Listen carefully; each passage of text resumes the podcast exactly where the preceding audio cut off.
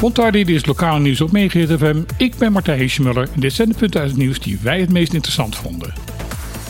Er is een mogelijkheid dat dit jaar de grenzen tussen de ABC-eilanden en buurland Venezuela voor een gedeelte weer opengaan. In 2019 werd door de Venezolaanse regering de grenzen met de eilanden dichtgegooid. Volgens de regering Maduro bleek de toegang naar de ABC-eilanden een enorme smokkelroute te zijn. Volgens president Maduro werd op deze manier grote hoeveelheden goud illegaal het land uitgevoerd. De afgelopen jaren werd de zeeroute alleen nog gebruikt door vluchtelingen die op deze manier Venezuela probeerden te ontvluchten. Achter de schermen probeert Nederland al geruime tijd om tot heropening van de grens te komen.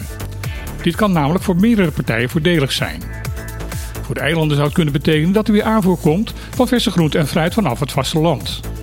Dat zou de kosten van deze artikelen op de eilanden sterk kunnen verlagen. De overheid van Venezuela heeft nu in een communiqué bekendgemaakt dat de grens mogelijk dit jaar nog weer gedeeltelijk geopend gaat worden.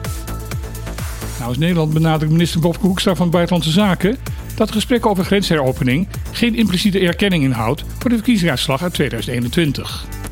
Na een chaotische verkiezingsstrijd werd Maduro destijds herkozen als president van Venezuela. Het is de bedoeling dat binnen twee jaar begonnen gaat worden aan de uitbreiding en verbetering van Bonaire International Airport.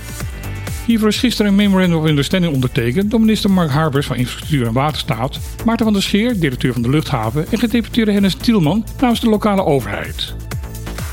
De uitbreiding zal onder andere bestaan uit een geheel nieuwe aankomsthal, een flinke uitbreiding van de vertrekhal, een vergroting van het platform voor internationale vliegtuigen en de voorbereidingen om de platforms geschikt te maken voor elektrisch vliegen.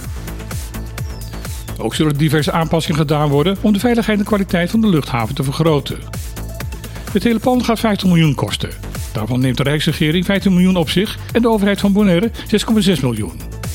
Voor de overige miljoenen is men nog op zoek naar investeerders. De Nederlandse regering heeft besloten om de behandeling van een voor de Caribische eilanden belangrijk dossier wederom uit te stellen.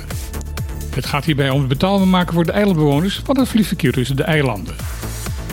Al in 2019 kwam de commissie Hartman met de aanbeveling dat het verlagen van de kosten van het insulaire luchtverkeer, vooral voor de eilanden Sint-Eustatius en Saba, van groot economisch belang was. Na vraag van Tweede Kamerlid Jolien Buiten in 2021 zei staatssecretaris Barbara Visser van Infrastructuur dat er op dat moment gekeken werd naar de mogelijkheid van een openbare dienstverplichting tussen de bovenwindse eilanden. De uitkomst van deze verkenning zou eind vorig jaar met de Kamer worden gedeeld. Dit werd vervolgens een jaar uitgesteld omdat er eind 2021 nog een dimensionair kabinet was. Wie de huidige planning van het ministerie van Infrastructuur en Waterstaat voor de komende periode heel goed doorkijkt, ontdekt dat de behandeling van het dossier in de Tweede Kamer wederom een jaar is uitgesteld. Dit keer is er geen oorzaak van uitstel genoemd. Dit herhaalde uitstel houdt in dat de invoering van goedkope tickets voor eilandbewoners op zo vroegst pas in 2025 zou kunnen worden ingevoerd. Alle protesten ten spijt, de Nederlandse regering heeft definitief besloten dat komende maandag, 19 december 2022, dat er door premier Rutte een toespraak gehouden zal worden waarin hij excuus maakt voor de rol van de Nederlandse staat in het slavenverleden. Vorige maand werd het bekend dat het kabinet dit excuus wilde uitspreken.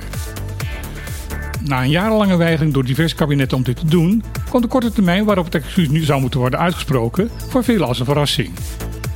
Vooral in Suriname werd daar boos op gereageerd en noemde het de haasklus om er maar van af te zijn. Ook op de eilanden werd er verbaasd gereageerd.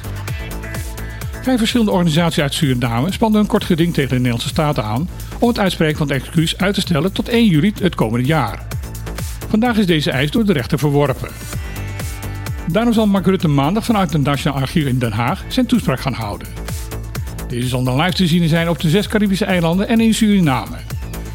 Op al deze plekken zal er tijdens deze gebeurtenis een vertegenwoordiger van het kabinet aanwezig zijn. Dit was weer de lokale nieuws van vandaag op Megahit FM. Ik wens iedereen nog een hele mooie dag toe en graag dan weer tot morgen.